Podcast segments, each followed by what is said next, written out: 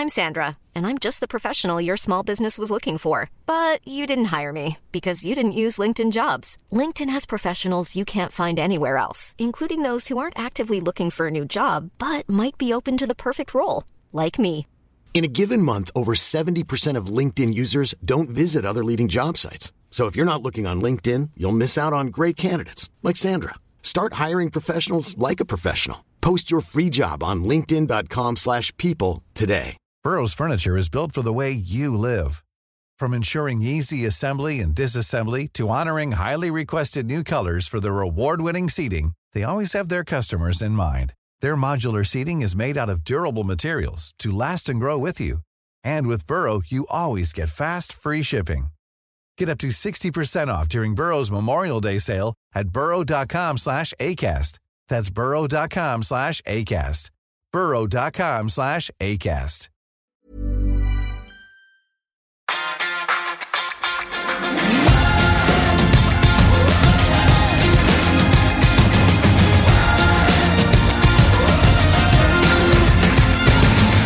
Can't believe it. Football, ball. Bloody hell. Ah, endelig er det Champions League på menyen igjen, Fredrik. Deilig, ass. Ehm, det har på en måte ikke gått helt opp for meg før jeg så trekninga i går. Da, da innså jeg at United er tilbake. Du skal snakke norsk i dag? Åh, endelig. Vi var jo på en reportasjereise på tirsdag, eh, og da fikk jo det danske snakketøyet kjørt seg lite grann. Du skamma deg litt, gjorde du ikke det? Det var jo mest gøy, jeg syns det. Det var en lang dag med mye dårlig humor og Ja. mye um, tvilsom dansk. Men eh, noen veldig gode intervjuer som snart kommer i feeden i form av en eh, pod-reportasje, skal vi kalle det det. Ydmykt eh, å si at det var veldig gode intervjuer, men jeg er jo enig. Var, ja, vi intervjua jo ikke hverandre, det var andre som sto for praten. Enig. Ja. Det, det, jeg tror så absolutt at uh, de som lytter til uh, dette, uh, tenker at det var verdt tiden de brukte på det. Og Morten Nordstrand og Christian Moreau, Moreau leverte så til de grader. Så Ja. dette Bare glede seg. Vi kjører en pitch for Jon Martin på mandag. På dette her. La oss gjøre det. Ehm, det har vært Champions League-trekning, uh, og dette her var vel ei gruppe vi hadde tatt på forhånd, eh, Fredrik. Bayern München, uh, FC København og Galatasaray. Ja, jeg syns det er en sykt kul gruppe. Eh, det er klart Når Bayern blir trukket på hatten her, så ønsker du ikke eh, Da ønsker man jo ikke flere i den klassen her, og det blir du heller ikke når du skal på en måte trekke dårligere og dårligere motstand. Men jeg syns jo det er eh, veldig kult å møte ordentlig motstand, da. Hvor du får målt deg mot de beste. Um, og jeg syns det er eh, veldig gøy med tur til FCK. Timingmessig fordel òg, sånn. Vi har akkurat vært der og litt uh, det, er gøy å, det er gøy å måle kreft mot de. Man har litt mer å tape mot FCK enn det man har mot Bayern. Og så eh, nivåmessig så ble jeg på ingen måte imponert av det Galatasaray leverte mot Molde. Så der tror jeg det skal være veldig mulig å få seks poeng. Men det er en sånn heksegryte, da. Så er det en pakke der. Men en kul gruppe. Kul gruppe. Eh, vi fikk eh, spørsmål fra noen eh, forvirrede United-fans på Instagram som ikke helt hang med i den trekninga. Det kan jeg skjønne. Fordi eh, at lag fra samme land ikke kan havne i samme gruppe, det veit vi, men det, var, eh, det er åpenbart flere premisser som var lagt til grunn der.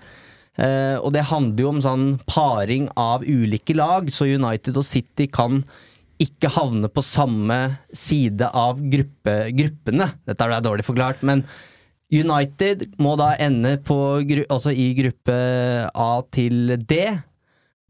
Da må City være i gruppe E til H. Så derfor så sto det mellom Bayern München, Benfica og Napoli, hvis jeg ikke tar feil, når United da skulle trekke et lag fra pott nummer én. Det var de tre alternativene som var igjen. Ja.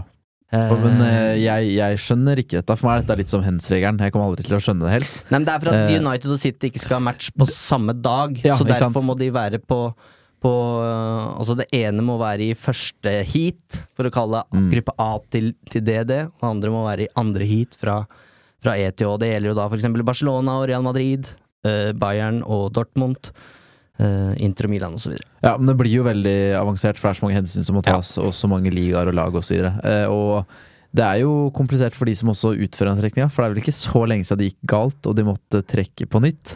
Eh, så det er ikke så rart at jeg og eh, flere av våre lyttere syns det er litt vanskelig å henge med i svingene. Nei, det er bare å lytte til Marketti og stole på at det går, eh, går som det skal. Og det gjorde det i går. Vi skal ehm, vi skal gå gjennom gruppespillet. United har altså signert eh, to spillere når vi sitter her, så vi skal ta, ta det på, på tampen også. Mm. Um, minner om at uh, når oppsettet uh, til eh, gruppespillet kommer, så er det mulig å komme seg på Old Trafford. Uh, supporterklubben har 250 billetter til de tre til, til hver av de tre hjemmematchene som Mm. skal spilles, så sjekk ut united.no hvis du vil på midtuketur til, eh, til Manchester.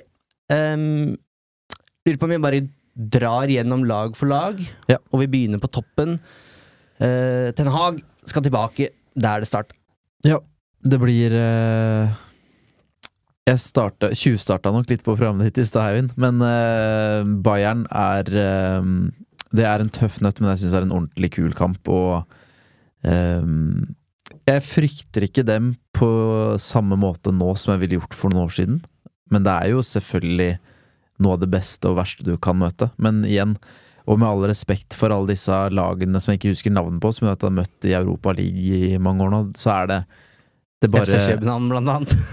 ja, ikke minst. Men eh, ja, bare gi meg, gi meg et sånt storlag da, som gjør at jeg kan få bryne seg på mål og krefter mot, og lære av å få erfaring med. Det, ja. Er det veldig tydelig hvilke to lag som skal videre fra gruppa her. Mm. Så det vil jo ikke være en vrien eh, Forhåpentligvis så vil det ikke bli en, en kamp om avansement. Det er 1,20 i odds på at Mm. United går videre. Eh, og det skal jo skje sammen med Bayern München hvis alt går etter planen.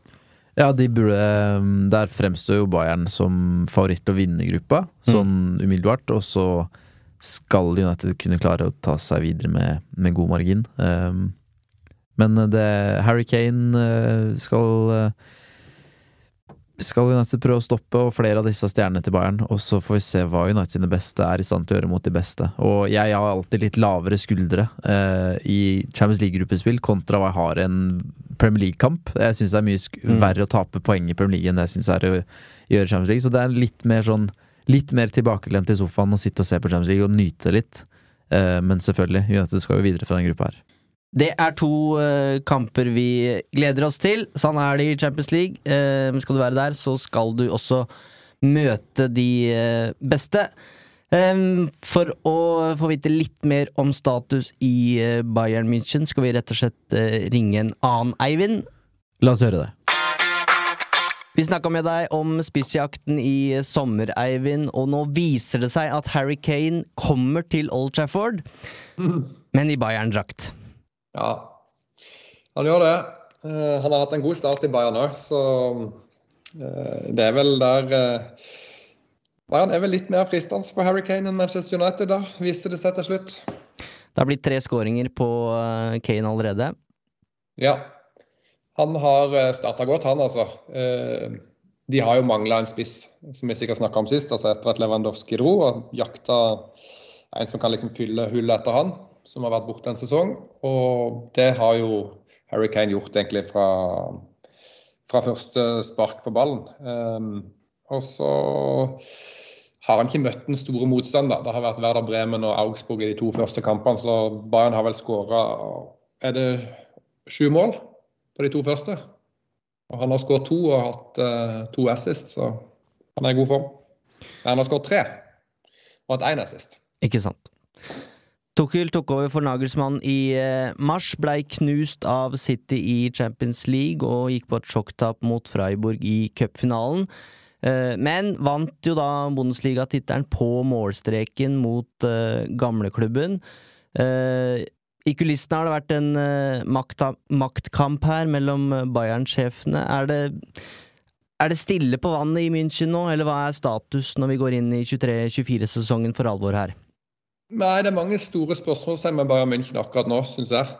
Um, som du var inne på, da, så, så etter at uh, Tuchel tok over for Nagelsmann, så har den sportslige pila pekt nedover for Bayern München. De har egentlig gjort det ganske dårlig til å være uh, Bayern München. Og de hadde jo, fikk jo hjelp av Mainz i siste runde sånn at de vant ligaen. For um, hadde Dortmund vunnet i siste runde, så hadde jo Dortmund vunnet ligaen. Og da hadde det jo vært første gang på, på ti, over ti år at Bayern ikke vant. Og så tenkte man jo at mye skulle være uh, stillere og roligere når de fikk på plass denne spissen, da, Harry Kane. Mm.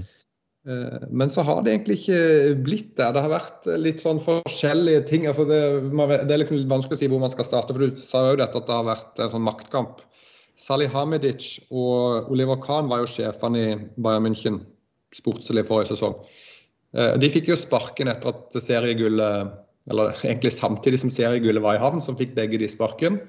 Og så kom Karl-Heinz Romenig og Oli Hoenes tilbake i de rollene de på en måte hadde pensjonert seg fra da, for et par sesonger siden. Og så skal de styre videre nå.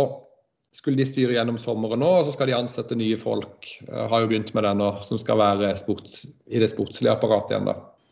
Um, og Samtidig som dette har skjedd, så har jo da Torhild overtatt som trener. og Han har, virker det som, da, fått en del makt rundt det sportslige. Uh, og hvem de skal hente av spillere og sånn. Um, så Det som har vært en sånn rot nå i sommer, er jo det at han har jo sagt flere ganger at han er ikke fornøyd med den sentrale midtbanen sin. Og Da har han jo altså kaptein Kimmich på sentral midtbane, og så har han uh, Goretzka på sentral midtbane. Så det har jo skapt en uro da, i Bayern München hva han på en måte mener med det. og Herfra som jeg sitter i Norge, så er det litt sånn vanskelig å se hva han skulle oppnå med å sette spørsmålstegn rundt sin egen kaptein. da, Men det har han nå gjort. Um, og så svei de jo ganske mye penger på Harry Kane, brukte lang tid for å få den dealen i havn. Og så trodde i hvert fall jeg at nå er de liksom fornøyd, men så fortsatte dette mas om en midtbanespiller eh, å skje. Og, og Kimmich har jo vært ute og på en måte svart på kritikken om at eh, Bayern München ikke har en nummer seks. Han har sagt i intervjuet er en nummer seks. Jeg kan spille på en måte i den dype, sentrale rollen. Mens eh, Torkild tidligere i sommer har sagt at eh, han mangler en eh, sentral midtbanespiller som er liksom kun defensiv midtbanespiller. Han mener at eh, Kimmich er for um, Han er en, på en måte en playmaker, en som kan styre spillet offensivt, men har ikke liksom den defensive kraften nok. Han mener at uh, Goretzka er en, mer en løpsspiller, som boks-til-boks midtbanespiller. Og at uh, Gravenberg, som kanskje får forsvinne til Liverpool nå, han er mer en dribler enn en nummer seks. Mm.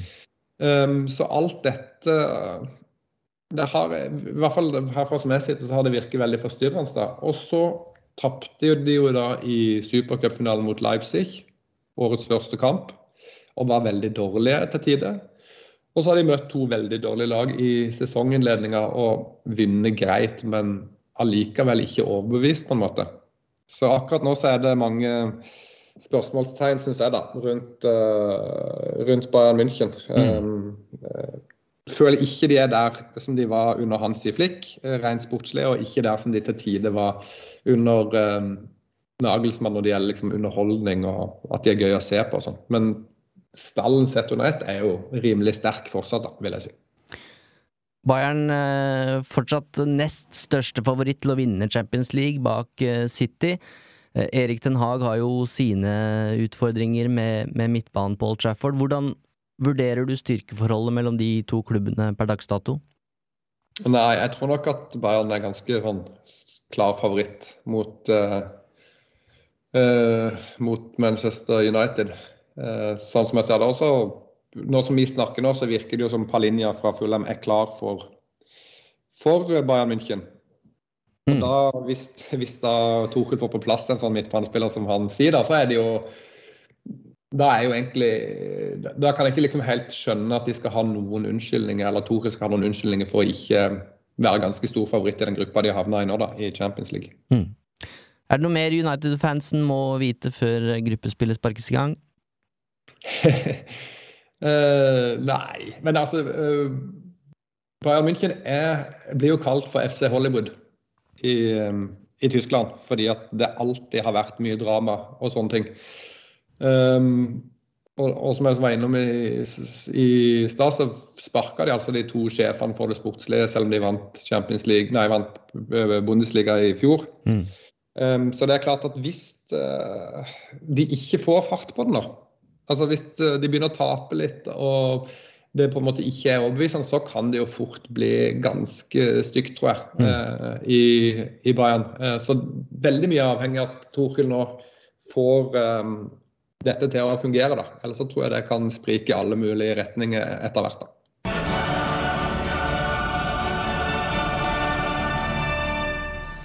Bayern er store favoritter, sier Eivind Bisgaard Sunde, men han planter jo noen spørsmålstegn her, eh, Fredrik? Ja, litt uh, For en som ikke følger uh, mest med på tysk fotball, så litt sånn overraskende å høre. Man sitter jo, eller jeg sitter utenfor og ser på det som sånn perfekt uh, veldrifta klubb der alt er fryd og gammen. Og så får man jo en påminnelse når han sier det, at det har jo ikke alltid vært sånn, selvfølgelig. Eh, men eh, der føler man at ting ute på fotballbanen alltid fungerer, og så gjør det tilsynelatende ikke det nå, og det passer jo United fint i så fall. Mm. Hvordan blir det å se Harry Kane i Bayern-drakt på Old Trafford? Um, det hadde vært verre å sende City-drakt på Old Trafford. Uh, skulle gjerne hatt den på Old Trafford, men uh, det, er en, uh, det, er ikke noe jeg sørger over. Det gikk, det, gikk, fort over, faktisk. Vi går videre. Det blir Høylund-derby både i Parken og på Old Trafford, og tenk om, Fredrik. Tenk om vi får Rasmus, Oskar og Emil på banen samtidig. Det må jo være en slags rekord. Ja, det hadde vært rått. Og bare det at Rasmus skal hjem og møte FCK er jo rått, men tenk om, tenk om det blir tre brødre på banen her samtidig. Det, det høres ut som en helsprø opplevelse for uh, begge klubber, og tenk den Tenk hva det betyr og innebærer for en familie. Det er, det er, helt umulig å på en måte skulle sette seg inn i hvordan det ville vært. Men, men tenk for en opplevelse, hvis man skulle oppleve, oppleve, det. Vi har jo hatt et brødremøte før. Uh, Paul Pogba mot var det Mathias Santetien? Jeg tør ikke å uh, vedde på det, men det var Santetien. Ja. Stemmer. Riktig. Ok, eh, hva kan vi si om eh, FCK? Eh, det er jo altså Jakob Nestrup som er eh, trener der. 35 år gammel. Eh, tok dobbelen i, i, Danmark i fjor på første forsøk. Og har jo, er jo kanskje mest kjent for å eh, For å ha fått følgende utsagn fra Solbakken. Du skylder meg en milliard. Ja. Uh, Nestrup var jo i akademiet uh, mm. når Solbakken var trener der. De fikk en viss fyr fra Bryne på prøvespill, men konkluderte med at her er det nok av talenter i vårt eget akademi, som, så fremtiden er i, i FCKs hender. eller trygge hender. Mm. Så ja, eh, Ståle Solbakken har fortalt den historien et par ganger, tror jeg. At uh, han uh, legger litt av skylda på FCKs nåværende hovedtrener for at Haaland ikke havna i København. Isteden så kom Rasmus Høylund, selv om han jo dro kjapt videre. Vi har nevnt brødrene Oskar og Emil. det er også en sønn av en tidligere United-spiller som er der. Tar du den på stående fot? Sønn av en tidligere nettspiller i FCK. Mm. Å, ikke gjør meg dårlig her, da. Eh, kan jeg få et hint, da? Ja, han er svensk. Var i klubben i et halvt år, spilte en av Uniteds mest ikoniske drakter. Og blei en slags kulthelt på Ja, det var jo ikke et halvt år, det var jo tre-fire måneder. Nei, jeg, jeg, jeg tar den ikke. Jeg skal uh, hjelpe deg her. Jordan eller Jordan Larsson. Nei, den har jeg ikke tatt. Nei. Du kunne gitt meg evig med betenkningstid. Jeg hadde ikke tatt den. Birger Meling er der. Moi Elionussi er der. Han har møtt United med Basel uh, før. Mm. Uh, Andreas Cornelius. Uh, det er jo et, et, lag med mange talenter her. Det snakka de jo mye om når vi var i, på besøk i København, Fredrik. Ja, det er det. Og så er dette etter hvert et lag med masse Champions League-erfaring, som har fått gode resultater mot store lag flere ganger. Eh, jeg var selv i parken da Pep Guardiola og Sol Solbakken krangla på sidelinja. Da endte det 1-1 eh, mot Prime Barcelona-laget. Eh, det, det, er mange år siden, det nå, men poenget mitt er bare at jeg tror på ingen måte at eh, FCK blir noe kasteball. Det blei det heller ikke den gangen United møtte det i Champions League-gruppespillet. Da skal vi enda lenger tilbake i tid. Eh, men jeg tror det også blir to tette og jevne kamper, men som United selvfølgelig på papiret skal bikke i sitt favør. Men det er ikke bare å dra til parken og hente tre poeng. Altså. Det har FCK vist mange ganger. Ja, senest i fjor. Eh, fikk da besøk av City, Dortmund og Sevilla. Ingen av de dro fra parken med tre poeng. Uavgjort i alle kampene. Mm. Eh, København da nederst i, i gruppa med de tre poengene der. Tapte alle bortematchene. Eh, men ja. Eh, vi skal ikke så langt tilbake eller for, for å finne forrige møte. Da var det jo Solskjær mot Solbakken. Eh, Covid-matchen i 2020. Kvartfinale i Europa League. Eh, United måtte ha ekstraomganger. Bruno Fernandes matchvinner på straffe i etter 95 minutter der. Mm. Ja, de, er, de er gode. Eh, De har erfaring, og de har et bra lag med De henter masse Altså, de henter Birger Meling fra Rennes i Frankrike. De henter Moe fra Southampton. Mm. Så det er liksom Det er et bra lag, da. Det er ikke sånne eh, mette, hjemvendte helter. Det er sultne unggutter som prøver å bruke FCK som et springbrett til å komme seg ut igjen på nytt, da. Så de eh, Ja, jeg tror det blir tøffe, kule kamper. Hvor eh, det ikke er sånn at United bare kan plukke med seg seks poeng, og så det Og så blir det sånn. Det tror jeg på ingen måte. Ryan Reynolds here from Mint Mobile. With the price of just about everything going up during inflation, we thought we'd bring our prices down. So to help us, we brought in a reverse auctioneer, which is apparently a thing. Mint Mobile unlimited premium wireless. Ready to get 30, 30, bit to get 30, bit to get 20, 20, 20, bit to get 20, 20, bit to get 15, 15, 15, 15 just 15 bucks a month. So, Give it a try at mintmobile.com slash switch. $45 upfront for three months plus taxes and fees. Promo for new customers for limited time. Unlimited more than 40 gigabytes per month. Slows. Full terms at mintmobile.com. Burrow is a furniture company known for timeless design and thoughtful construction and free shipping, and that extends to their outdoor collection.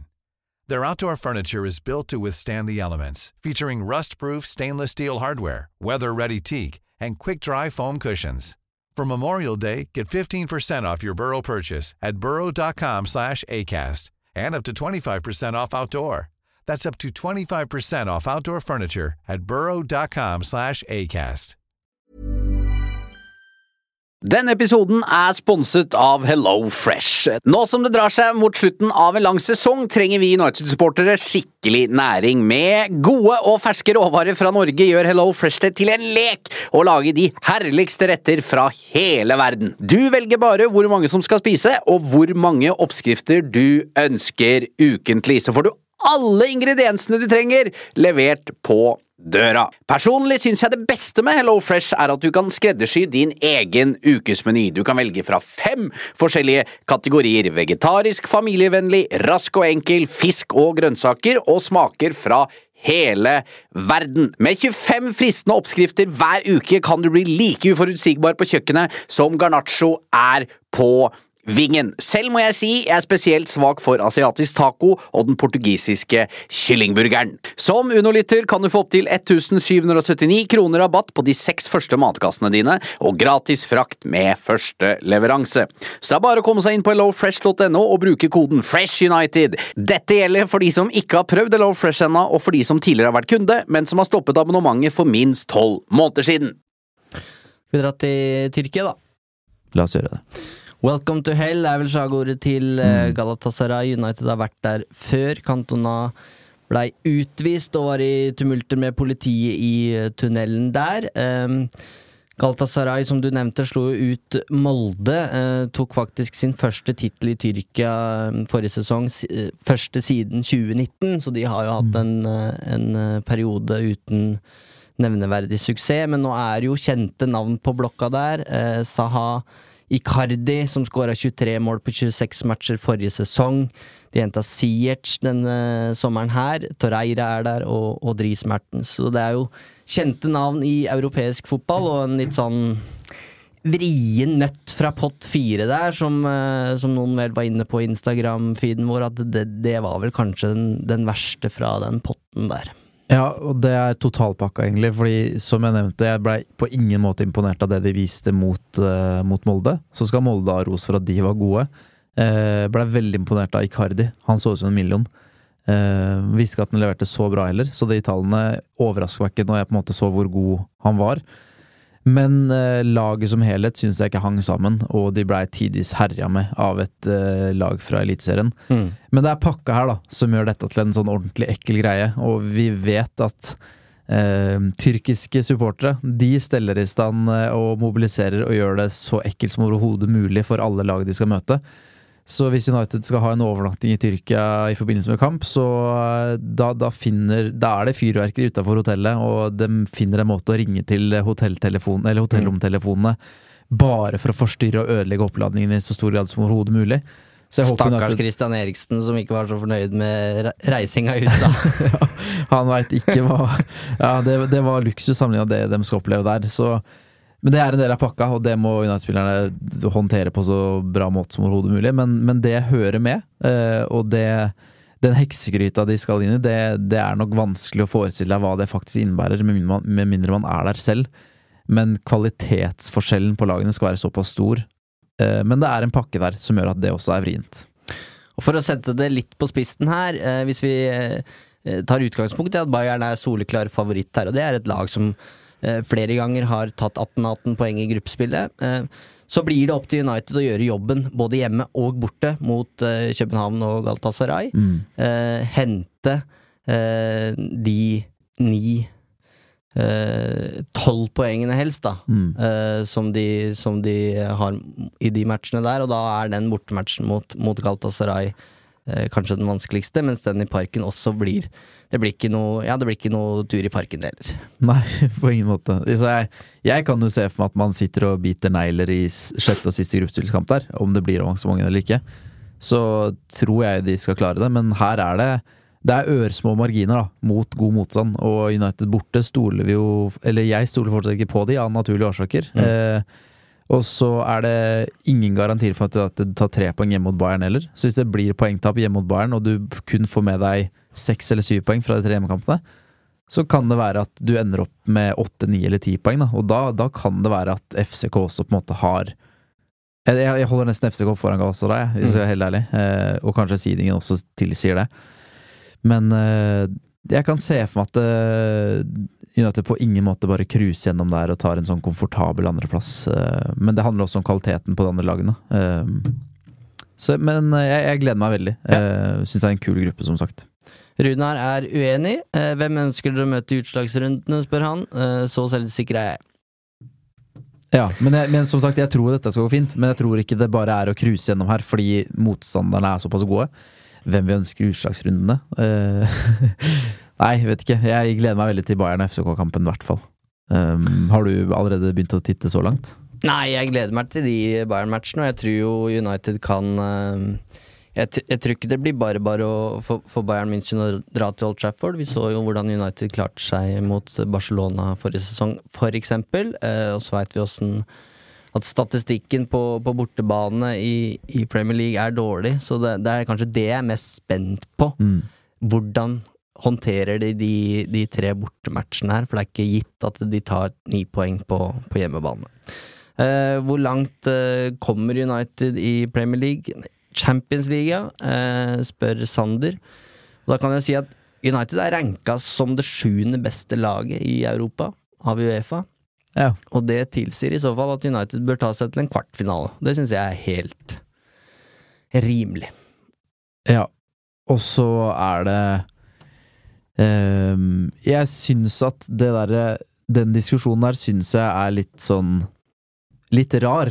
Uh, og jeg vet ikke åssen jeg helt skal oppsummere det, men hvis du møter Hvis du trekker uh, Hvis ambisjonen er å gå til kvart eller semi, da, og, så, og nå kan jo ikke United møte City igjen i en åttendels men si at du som lag da, har en ambisjon om å nå så langt, og så er du maks uheldig med trekninga og trekker det verst tenkelige, så er det naturlig at du ryker i åttendels. Hvordan skal man da vurdere den prestasjonen her? For hvis du, hvis du trekker en enkel motstander og ryker ut, eller bare trekker enkle motstandere og går helt til semifinalen, så er det på en måte Da har du nådd målet, men det, det er mye lettere å nå det hvis du er heldig med trekninga. Mm. Så eh, for meg er det jo Hvis United kommer til kvart og ryker der mot si Salzburg, da, bare for å si et lag, så, burde, så, så er jo det en ordentlig skuffelse. Da burde de jo tatt seg til semi. Mens eh, hvis de trekker Real Madrid i åttendels, for å bare nevne et annet lag, så er det sånn ja, da endte eventyret her, da. Og så ser ikke det bra ut på papiret, men det var en naturlig exit når du først fikk den trekninga. Hvis det var mulig Altså, Henger du med ja, på hva jeg prøver jeg å si? Med, og det ja. ligger jo litt i kortet at United kan bli nummer to her. Um, det er nettopp det, mm. og da kan du få en grusom motstander. Og så tror jeg United uh, tå mot tå kan uh, slå ut hvem som helst for to kamper. Uh, de slo ut Barcelona, så det tror jeg også de kan, men Men da kan også eventyret ende mye før vi skulle ønske. Men trekker du laget du skal være overlegne mot over to kamper og ryker ut i åttendels eller kvart, så er det en enorm skuffelse. Selvfølgelig. Nå tror jeg alle henger med. Bra. United har ikke signert eh, bare én, men to spillere, og eh, det kan fint komme flere når vi sitter her på deadline day, eh, Fredrik.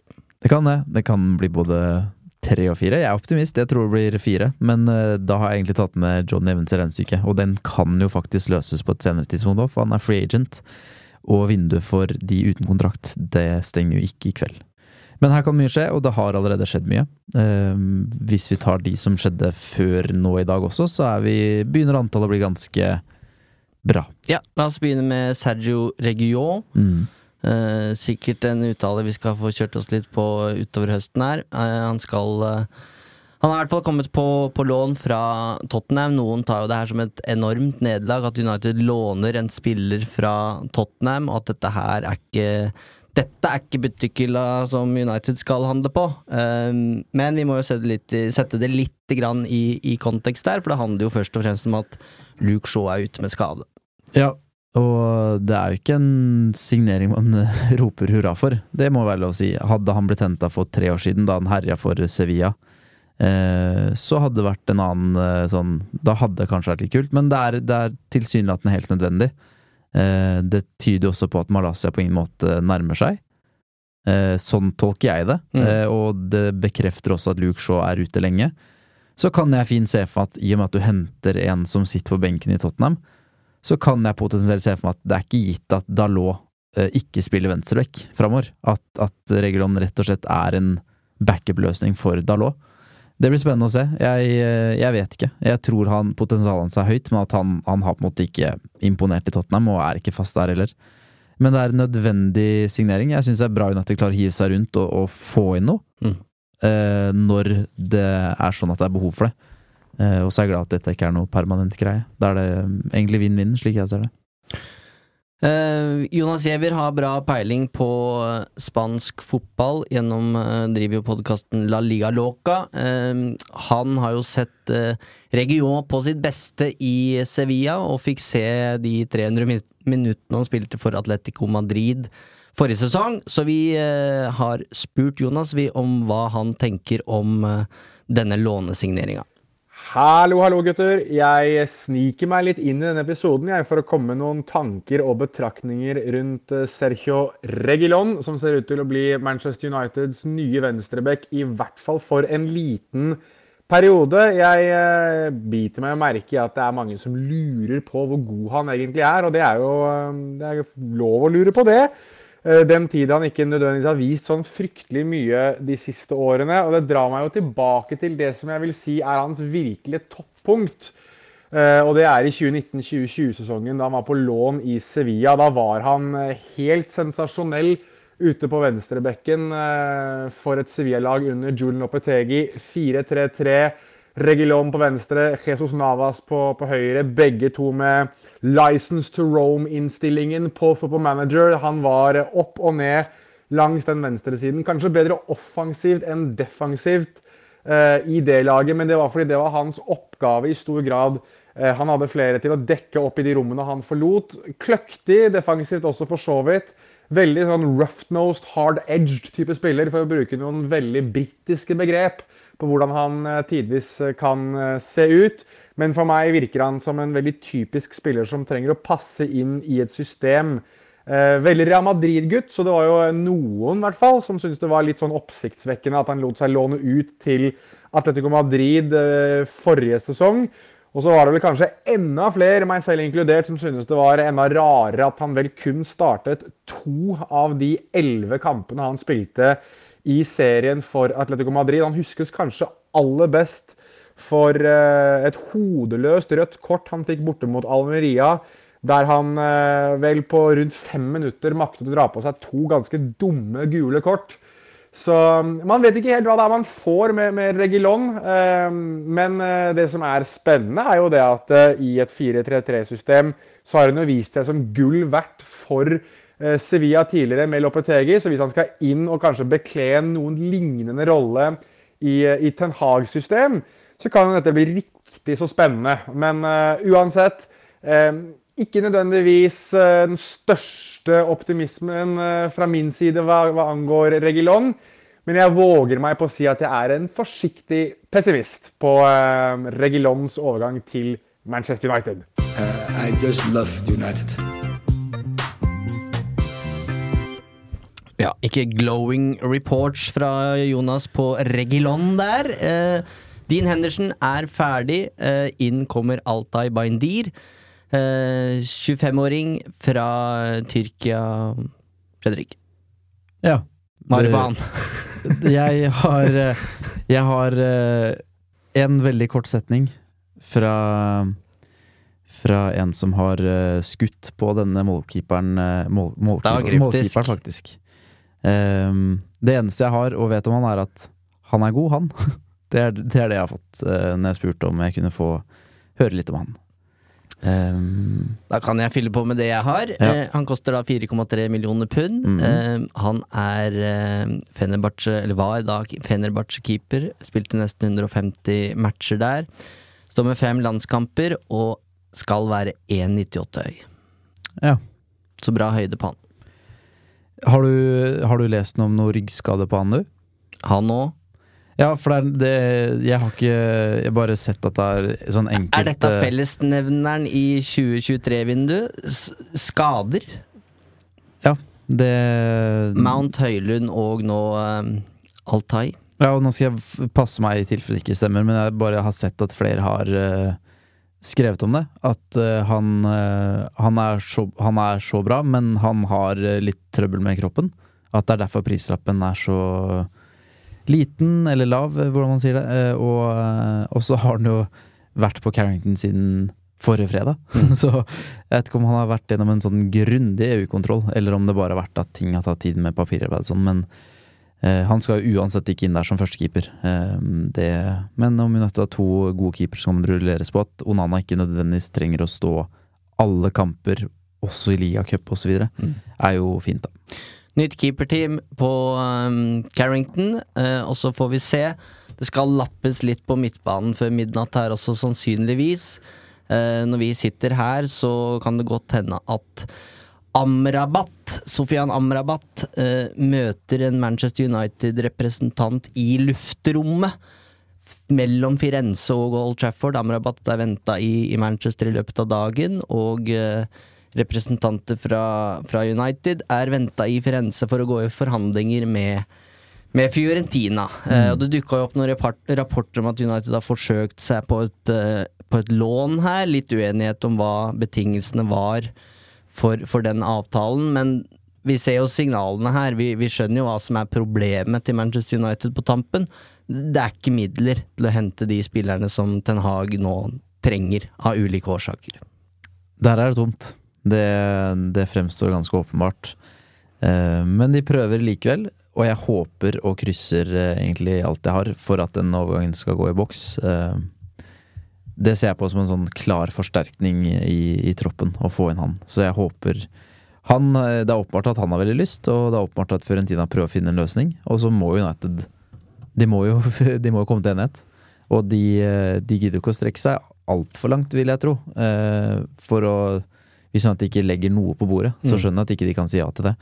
Men de virker jo, eh, selv om Fabrizio har sagt til at det er en vanskelig klubb å forhandle med, så virker de på en måte medgjørlig nå og prøver å finne en løsning på vegne av seg selv og Amrabat. Nå har jo ikke han trent med laget og er ikke med i kamper heller, så de har jo lagt til rette for at han skal få lov til å få til dette her. Men igjen, da må United legge i hvert fall noe på bordet for at de skal kunne godta det budet der. Ulempen med at dette her har tatt så lang tid, det er at nå virker det litt som at Amrabat er en stjernesignering som kommer inn på, på deadline day her, eh, og skal spille en eh, særdeles viktig rolle Paul Trafford i, i, løpet av sesongen som, uh, som, nå skal spilles. Det tror ikke jeg er tilfellet. Når vi snakka om Amrabat i, i tidligere Uno-episoder, så har det vært som en backup for Casemiro. Mm. Kanskje en makker i de vriene bortematchene som vi nå begynner med på, på søndag. Eh, eller den første i, i, i, løpet av høsten her. Nå, er, nå, nå legges veldig mye eh, mye av, eh, av presset over på, på Amrabats skuldre her. At han skal løse, løse problemet eh, som vi nå har på, på, på midtbanen med skadene som er der. Um, og det hjelper jo ikke, som du er inne på, at han har vært ute i kulda nå i, i Fiorentina, og ikke, Mm. han kommer ikke matchklar. Enkelt og greit. Ja, jeg jeg er mer bekymra for det enn det presset. Og, men det, det er jo også reelt, det. At forventningene stiger i takt med Mm. at Men for meg så blir det I stedet for at det blir glede over at den kommer, så blir det lettelse fordi ting drøyer. Men problemet er jo at han ikke får trent med lagkameratene, og at han da sannsynligvis ikke skal være i aksjon for United før etter landslagspausen, når det er et sånn umiddelbart behov. da Jeg kunne veldig fint sett for at han har gått rett inn på laget mot Arsenal, om han hadde trent med laget og vært en del av det. Men det har han ikke fått muligheten til, så det er jo en ikke matchfit spiller, da. Mm. eh, for alt jeg vet, så har han eh, eh, orden på og kjempeivrig på egentrening og sånn, men du trenger å spille kamper for å være i kampform. Uh, og det vil han jo da selvfølgelig ikke være. Så det, eh, det er ikke sånn Uansett hvor mange signeringer United ender opp med på deadline day, så er ikke det så skal ikke det bare applauderes ukritisk, for det er, eh, det, det er mange ting som potensielt kunne vært løst på tidligere tidspunkt her. Og nå har du hele tiden også snakk om at Amrabat er det bare plass til og penger til dersom man får solgt en midtbanespiller først. Men nå er jo fortsatt Donny og Scott og flere gutta fortsatt der. Mm. Og det er Så det som har vært problemet. og da var, da var det tilsynelatende mulig Hvis de får til dette i dag, da, så har det vært mulig å få til dette på et tidlig tidspunkt hele veien. Og da vil jo de argumentene bortfalle. Mm. Og det er jo kritikkverdig. All right, vi får se om Amrabat kommer, og om, om han i så fall går rett inn på, på laget på Emirates, for der er det en midtbanekabal som, som bør funke.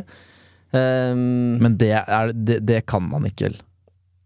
Hvis han, hvis han har på en måte trent for seg sjøl i tre uker. Den Haag er ganske strict på at de skal være fit for fight Mm. når de går inn på laget, så det Det kan jeg ikke se for meg. Jeg tipper det er tidligst etter landslagspausen. Vi får se om han kommer, eh, og så får vi se hvordan det går mot Arsenal. Vi er tilbake med Jon Martin på mandag.